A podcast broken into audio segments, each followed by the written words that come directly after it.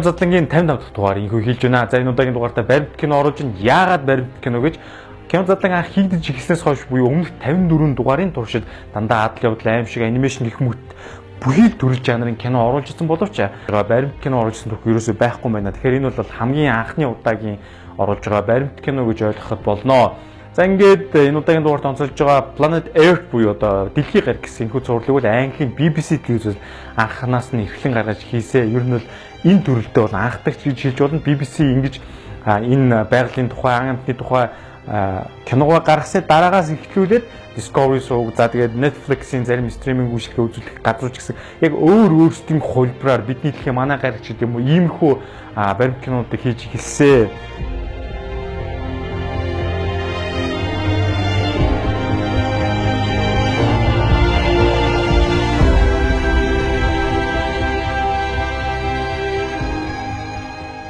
За тэгээд энэ удаагийн дугаартаа та бүхэндээ энэхүү сайхан байгалийн болон ан амьтдын зураглуудыг харуулахаас гадна энэ зураг авалтыг хийхэд ардталт нь ямар ямар процесс үржилсэн зэргээс цугс дурднаа.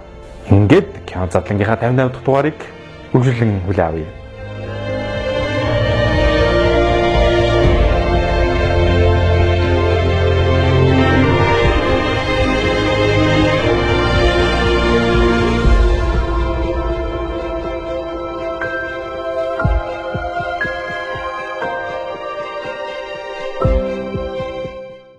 2006 оны Британий BBC телевизийн цуврал 5 жил үргэлжилсэн энэхүү төсөл нь BBC телевизийн хамгийн өндөр өртөгтэй байгаль орчин төрлийн баримт кино болсон төдийгүй хамгийн анхны HD зураг авалттай нийтэд хүрсэн бүтээл юм а.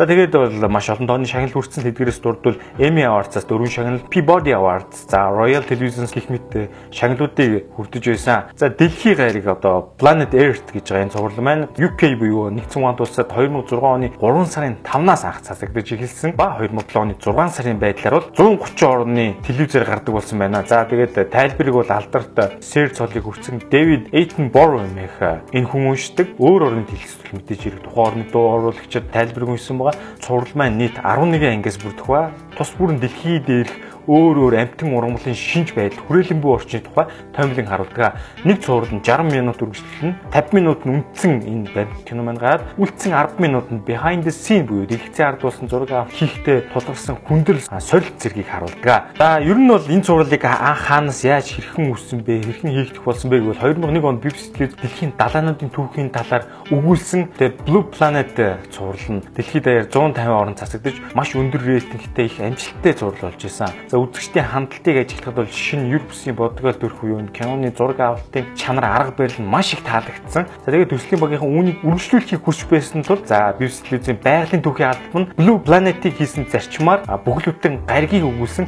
баримт кино зурлал хийхээр шийдсэн. 2002 оны 1 сард BBC One телевизийн дарга Lauren Higgs-ийн удирдлагадор энэхүү төслийг эхлүүлэхээр аль биесээр баталжээ. За ингэж Planet Air төсөл маань төсөв санхүү хамгийн маа батлуулж аваад энэхүү хийжсэн байна. За ингээд та бүхэн үндэ амьдарчуд дэлхийгээ тухай багцсан таньж мэдээсэн хэмээн тун товчхоноор энэ хүү цувралуудын дээр юу юу гардгийг дурдъя. Хоолой уншилт буюу одоо энэ тайлбар уншилтаараа англи төдийгүй дэлхийд алдартай Sir David Attenborough тайлбарлчин хэлсэн үгийг дурдъя. За нэрнийх нь урд дурдгаж байгаа Sir нэх энэ хүү бол түүнд англи хатаанаас олгогдсон энэ хүү цол дэв зэрэг байгаа.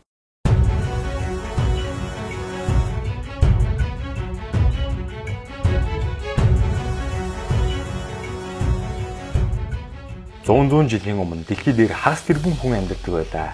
Харин одоо хэврэгхэн дэлхийн маань 6 тэрбум давсан хүн амд бүрхэгдэжээ. Гисэн хэдийч баг хүний гар хүрээгүй газрууд бий. Энэхүү цуврал нь та бүхэндээ хизээч үзэж мэдэрч байгаагүй онгон дагшин байгаль газар нутгаар аялуулах болно. Хэмээн тайлбарлагч инхэн уншснаар энэ цувралыг хэлдэг байна. Дэлхийн гариг цувралын 1-р анги юу? Нэг туйлаас нөгөө туйл гэсэн анги маань 2006 оны 3 сарын 5-нд анх гарчээ. Энэ анги бол дунджаар 9 сая үзэлттэй байсан UK-д. Дэлхийн уур амьсгалын өөрчлөлийн үр нөлөө, улирал шижилтийн чиглэлүүдийг харуулсан байдгаар энэ агмын гардаг. За тэгээд Антарктидын өвлөөр хаан оцсон шуунууд 4 сарыг харанхуй өнгөрүүлж ямар ч идэх хоолгүйгээр хасах 70 градусын хүүтний төсвөрлөн гардаг. Тэгээд Арктик хавар айлч цагаан бавгаан бомбрууш тайлж мөсний ертөнцид анхлан хөл тавьж буй. Цаашлаад хойд Канад 3 сая ойн цаа бог альч төрлийн амьтдаас хамгийн урт буюу 3200 км үргэлжлсэн нүүдлийн аянаа дуусгадаг ба. За тэгээд дундаа чон ба аратны анд өртөр тухай энэ хүн анги маань гардаг байна. За тэгээд Оросын зүүн хэсгийн ой хөвт амуурын ивсний өлгийн нутаг ба 40 тоо толгой үлдсэн дэлхийд дээрх зэрлэг муурны төрлийн талаар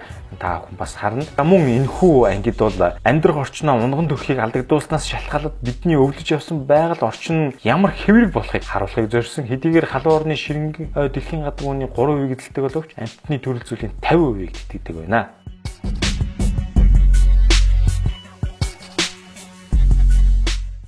За 20 дугаар ангид юу гардаг вэ гэхээр энэ бол уул нууруудын талаар голцоохон гарна. Их төсвүүд нь агаараас авсан өргөн өнцгийн зураг авалтаас бүтэн Этиопийн Эрта альбаг хамгийн удаан дэлбэрэлтэй байгаа. Бараг 100 жилийн турш оргилсаар байгаа энэхүү галт уул харагдан за мөн ойролцоох өндөрлөлт нь Гэлэдас буюу одоо дан өвсөр хоолдог цор ганц сарамчны төрөл зүйл нь хүргэлэн амьдарч байгаа тухай та бүхэн эндээс харж болно. Мөн үргэлжлүүлээд нэг ховор төрлийн зэрлэг янгирийн тоотлогоор нутагладаг энэхүү ямааны талаар та бүхэн харна.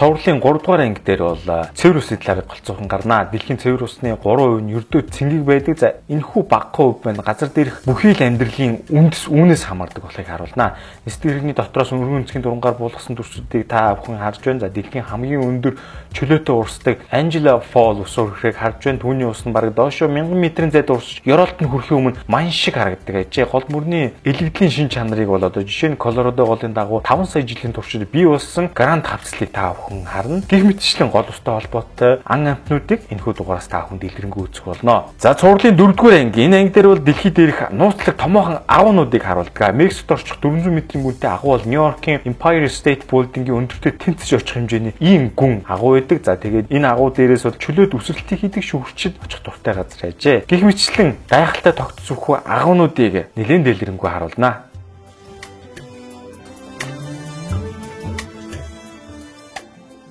Цувралын 5 дахь дугаард бол говь цөлийг харуулдаг. Дэлхий дээрх 3.1-ийг эзлэх хэмжээний хатуу ширүүн орчныг эзэлдэг говь цөлүүдийн тухай энэ анги дээр дэлгэрэнгүй харуулдаг бөгөөд эрсдэс уур амьсгалтай Монголын говь ч гэсэн хэд хэд гарч харагдана. За Америк нэгдсэн улсын цөлүүд, Африкийн цөлүүд тэгээд иймэрхүү хүнд нөхцөл байдал амьдардаг амьтдын талаар тэд яаж хэрхэн идэж тижээлээ олдог гэх мэт сонирхолтой зүйлсүүдийг энэхүү 5 дугаар анги дээр гардаг байх нь мөн хэцүүхэн байгалийн гамшгуудыг ч гэсэн давхар өгүүлж харуулнаа. Цувралын 6 дугаар анги дээр мөсний тухай гардаг. Дэлхийн нийт мөсний 90%-ийг агуулдаг Арктик ба Антарктидын бүс нутгийн тухай та хүн харна. За мэдээж хэрэг энэ нөхцөл амьдардаг амьтад буюу оцсон шувуу, авраг халин, цагаан баавга гэх мэт эдгээр амьтдын амьдралын талаар бас энэхүү ангиас олж үзнэ.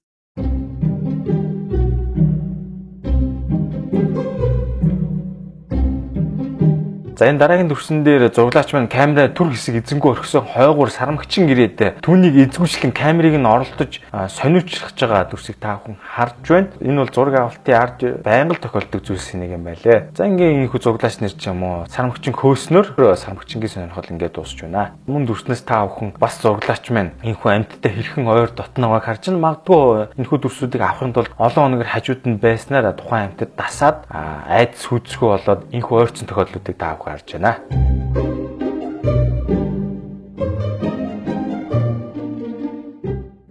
Planet Earth цувралын 7 дугаар анги дээр бол хээр талуудын тухай гардаг. Энэхүү анги маань 2006 оны 11 сарын 12-нд анх дэлгэснээс цацагдсан. Африкийн савана, Хойд Америкийн тал нутаг, Монголын хээр талд. За тэгээд тундра, энтхэг төвдийн өндөрлөх бүсдээр орших талуудын тухай гарнаа. Ийм экосистемд өвс төжилийн ач холбогдол за тэдгээрийн уян хатан байдлын талаар харуулахаас гадна мэдээжийн хэрэг энэхүү өргөн уудам нутагт амьдарч байгаа ан амьтдын тоо толгойны сонсож байгаагүй сонирхолтой баримтуудыг энэхүү анги дээр дэлгэрүүлэн гаргадаг байгаа. За ингээд цаашлаад цувралын 8 дугаар анги дээр юу гардаг вэ гэхээр шингэн ойн талаар өгүүлнэ. Дэлхийд ирэх шингэн ойлон халуун орны шингэн ойг та бүхэнд харуулахаас гадна халуун орны шингэн ойнууд нь дэлхийн нийт хуурай газрын зөвхөн 3%-ийг эзэлдэг боловч дэлхийд дээрх нийт амьд организмын талаас илүү хувь нь амьдардаг юм байна. Олон төрлийн шувууд, сарамчт хийгээд бусад амьтдын урд хожид харж байгаагүй тиймэрхүү дүрслэлтэй тайлбарыг та бүхэн энэ ангиас олж мэднэ. Мөн цаашлаа гаж гаж урмуулуудын талаар бас нэлээд дурддаг. За ингээд цувралын 9 дугаар ангид бол гүйхэн тэнгисүүдийн тухай гардаг. Гүйхэн тэнгисүүд бол дэлхийн нийт далаа 8%-ийг эзэлдэг. За тэгээд энэ анги дээр бол ихэнхдээ тэрхүү далаа тэнгисийн нууцлаг амьдралыг өгүүлнэ. Тэнгист амьдардаг амьтдын тоотлогоо тоо томшгүй хэлээд эдгээрээс заримыг нь онцлон гаргадаг бөгөөдний идэж тижээлээ хэрхэн олдог буюу авраг акулын дайрал зэргийг та бүхэн ингээс олж харнаа. Бүхэн дүрснээс авраг махчин акул хэрхэн ангаа хийж байгааг харж байна. За үүний зураг авалтыг хийхэд бол тусгай өндөр нэвтрэлтэй slow motion камерыг ашиглаж байгаа. Энэ бол одоо шууд байнгын холбоотой явж идэг компьютер хэрэгсэлтэйгээ. За зурагч маань камерыг сольж дараагийн өөр дүрсийг авч байгааг харуулж байна. Энэ дүрсийг авах гэж нэдэн сар гаруй хугацаанд хөөцөлдсөн байгаа. Өөрийн сансан дүрсээ авч санаа амарч байгаа дүрсийг харж байна.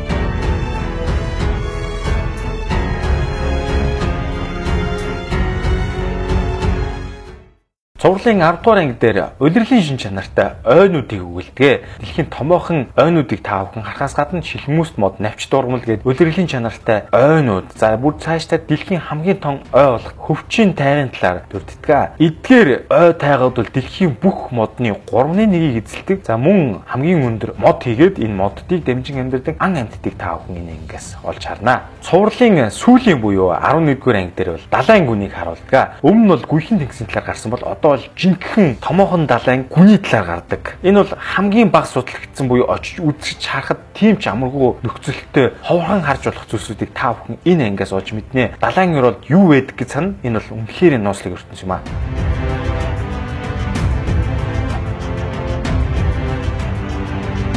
Зураг авалт хийж явах тохиолдолд бишгүй янз бүрийн баян тохиолдно. Жишээ нь одоо маш холын зайд э, тоног хөрөмжөд зөөх болон тээвэрлэх зүйлсүүд бол гардаг. За тэгээд онгоц зунаа тэрг машин явах боломжгүй газар тохиолдож байгаамаа. Тэр бүрт зөгцөн продакшн багийнхан маань зураг авалтаа хийсээр байна. Та хүн төрснөөс харж байна. Нутгийн иргэдээс зам асууж, зарим ан амьтны хаанаагаа ямар амьдралын хэв маягтай зэргийг тодруулсны үндсэн дээр энэ хөө төрсүүдэд авдаг байхan байна. Мөн хүссэн зураг төрсөн авахын тулд хүн амьдрахад хэцүү ч гэсэн тиймэрхүү нөхцөлд бол кино продакшноо зуглаач дууны инженерүүд маань ажиллаж амьдарч ирснийг та бүхэн дараах төрсөөс харж байна. Энэ бол бас амаргүй. Жишээ нь ирвсний төрсийг авахын тулд маш олон хоногор ардан сууж хүлээж байгаа. Мөн өндөр уулуудыг дамжин олон цагийн алхалтуудыг бол хийж байгаамаа. Тэгээд агуун гүнд орж зарим жижиг шавж битүүдийг авахын тулд өөрсдөө хамгаалах тор хэрэгсэл хувцсыг хүртэл хэрэгжилж байгаа. Тэгэхгүй бол магадгүй янз бүрийн өвчин төс магадaltaй. Хангалттай гэрэлгүй харагдах орчин хязгаарлагдсан орчинд хэрхэн нааш цааш явж тоног хөрөмжөд зөөн зураг авалтаа хийжсэн төрсүүдийг та бүхэн харж байна. За тэгээд зарим тохиолдолд энэ Арктик болон Антарктидын төрсүүдийг авахын тулд маш хатуу жирийн орчноос хэд дахин хүүтэн нөхцөл зураг авалтыг хийсэн байна. Энэ тохиолдолд камер тоног төхөөрөмжөнд царцах зэрэг үйл явдал гарч ирсэн байгаамаа. Production багийнхан маань тоног төхөөрөмжөө хэрхэн зөөж тээвэрлж явахын дээр ам өрсөн тохиолдлууд таарсныг харж байна. Жишээ нь цагаан байга тэднийг хойноос нь хөөж илдэх гэх мэт. За ингээд э, Planet Earth 2 нь 2016 онд анх цацагдсан бөгөөд өмнөх цувралынхаа үргэлжлэл болон гардаг. Тайлбарыг бас э, дахин э, Sir David Attenborough уншдаг бөгөөд өмнөх цувралаас юугаар онцдог вэ гэхээр алдарт киноны хөгжмийн зохиолч Hans Zimmer-ийн зохиосон хөгжмүүдмүүдийг шилжиж үүн дээр тайлбар нь явагддаг. BBC Planet Earth 2 дахь цувралаа 4K буюу нэлээд өндөр нэвтрэлттайгаар гаргасан телевизүүдийн түүхэнд бол хамгийн анхны 4K цувралаар тооцогдож үлддэг юм байна. За ингээд удахгүй 2022 онд бид Planet Earth 3-ыг хүлээн авнаа. Тиймээс зураг авалтууд нь одоо эдгээр жилүүд явж байгаа гэсэн. Жирийн киногууд бол байгалийн байр кино маань маш олон жилийг давнан хүнд зураг авалтууд явагддаг. За тэгээд Planet Earth 2 дээр бас нэг онцлог зүйл юу вэ гэхээр өмнөх зураглаас ялгаатай хүн ам шигүүс суурсан томоохон хотуудыг гаргадаг. За тэгээд үргэлжлэл бүгдээр энэ зураглалд гарсан хамгийн хайлайт буюу гой зургалтай эсүүдийг түүрэлтэй хүндээ харуулъя.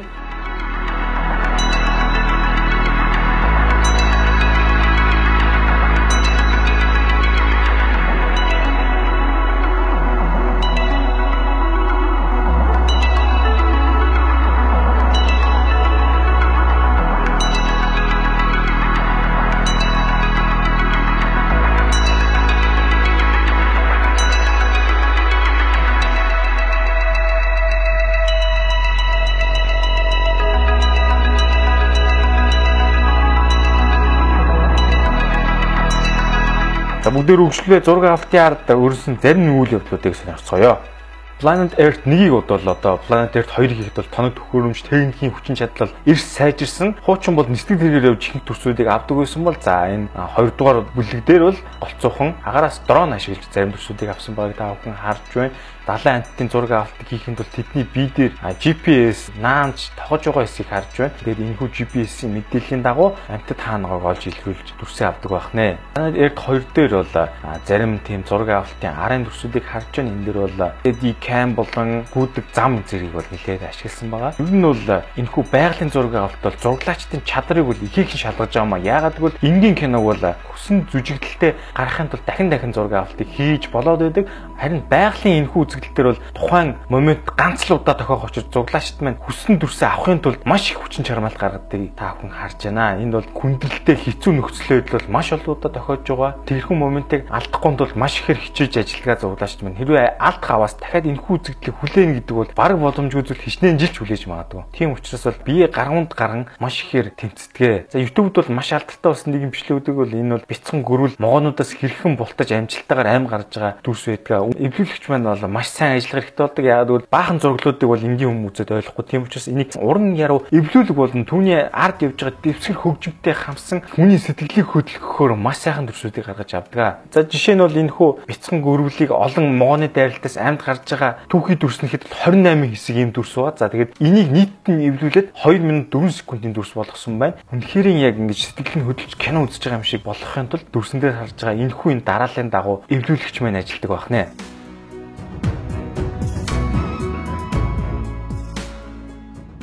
нэ. Дэлхийн гариг 2 дугаар бүлгээр бол одоо бас шинэ технологиг ашигласан энэ бол хүний дулааныг мэдэрч дүрсийг илэрхийлдэг камерыг ашиглаж байгаа. Энэ ямар ач холбогдолтой энгийн нүдээр харагдах боломжгүй шүн ил гардаг амьтдыг энэхүү технологиг ашиглан дүрсүүдийг буулгаж авсан байх нэ. Ингээд маш ховор тааралдаг зарим шоуунуудыг олсондоо үнэхээр их баярлж байгаа зуглаач продюсеруудыг та бүхэн харж байна. Магадгүй энийг энэ дүрсийг авахын тулд хичнээн олон хоног гэрэл хайгуул хийж маш олон газараар явсан ойлгомжтой. Өндөр уус, холын замд ачаанууд заримыг нь өөрсдөө үүрхийн өөр энхийн тэгнэж хөсөгт ачуулан явж байгаа дүрсүүдийг та хүн харж байна. Маш олон зурглаач нар дэлхийн өнцөг булан бүрт нэгэн зэрэг тархан явж энэ хүү дүрс бичлэгүүдийг хийдэг байсан байгаа. Өвлийн цастай шуурхтай үед явж зураг бичлэг хийж байгаад яг энэ цаг үед зэрэг халуун бөхчин ой дотор бусад зурглаачдууд маань явж явах жишээ нэ. Олон хүний хүчээр энэ хүү кино маань бүтдэг байх нэ. Жишээ нь баавган зураг авалтыг хийхэд бол модонд камерыг байрлуулж оршиж байгаа олон цагаар бичлэг хийж тэгжээж энэ хүү ганц хоёрхан гайгүй дүрсүүд гаргаж авсан байх нэ. Мэдээж хэрэг камера хатаа хаамаг үнийг газар байрлуулад орхихгүй яг тухайн тухайн бүс нутгийг маш сайн мэддэг ойн эргүүл ойн сахиулагч зэрэгтэй ярилцсан үндсэн дээр тухайн амтны явж исэн ялгадас зам мөрийг шинжилж байгаад энэхүү камеруудад зоож хэрэгтэй төсөөтэй авдаг юм аа. Маш олон зуун цагийн бичлэг дундаас нэг ганц 2 минутын тийм бичлэгийг олж авснаар бид бүгдийн энгийн нүдээр харах боломжтой төсөөдийг энэхүү баримт киногаар дамжуулан бид хүнд хүргэдэг байх нэ.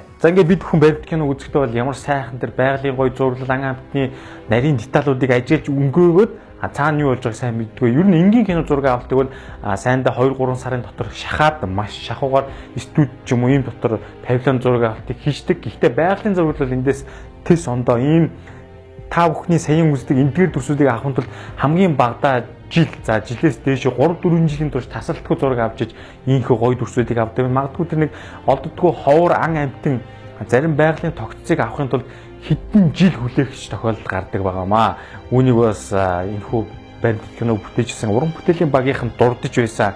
Тэгэхээр энэ бол энгийн киноныг бол асар их хүч хөдөлмөр орж байгаа. Жишээ нь одоо далайн гүний зураг авч гэсэн маш их хэцүү. Тэр хайсаа нь олдохгүй байх тохиолдол гарна за тэгээд ганцхан хоосон буцсан тохиолдолд дахиад дараагийн жилд нь дараагийн өвдөн зун гихмшлэн гэж олон дахин гарсны эцэст үнэхээр яг хэрэгтэй тэрхэн 1 минутын хэдхэн секундын дүрсээ авсны үндсэн дээр а энэ баримт кино бүтэж байгаа. Тэгэхээр энэ нүсэр их хөдөлмөр орж байгаа. Дээр нь энэ бол тань мэдхүн чиглэлээр бид бүхэн дэлхийн гаригийн амьдарж байгаа ертөнц орчнуудаа танихад тусалсан хамгийн дөхөмтэй материал гэж хэлж болно. Ингээд кино задлангийн тань тодох дугаар энэ түрээд өндөрлж байна. Хамт байсанд баярлалаа. Хэрвээ таалагдсан бол subscribe дараарай. Дараагийн дугаар хүртэл түр баяртай.